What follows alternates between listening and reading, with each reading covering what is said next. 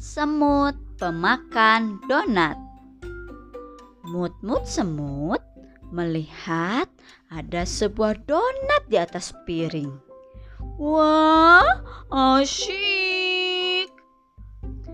Donat itu akan mut-mut makan sendiri di rumah.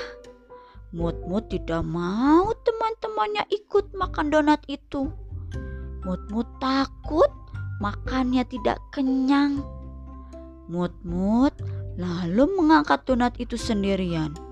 Ups, tapi donat itu berat sekali. Karena tak kuat membawanya, tiba-tiba donat itu jatuh menimpa tubuh Mut-Mut.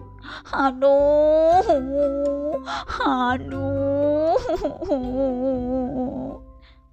Mut-Mut pun menangis kesakitan.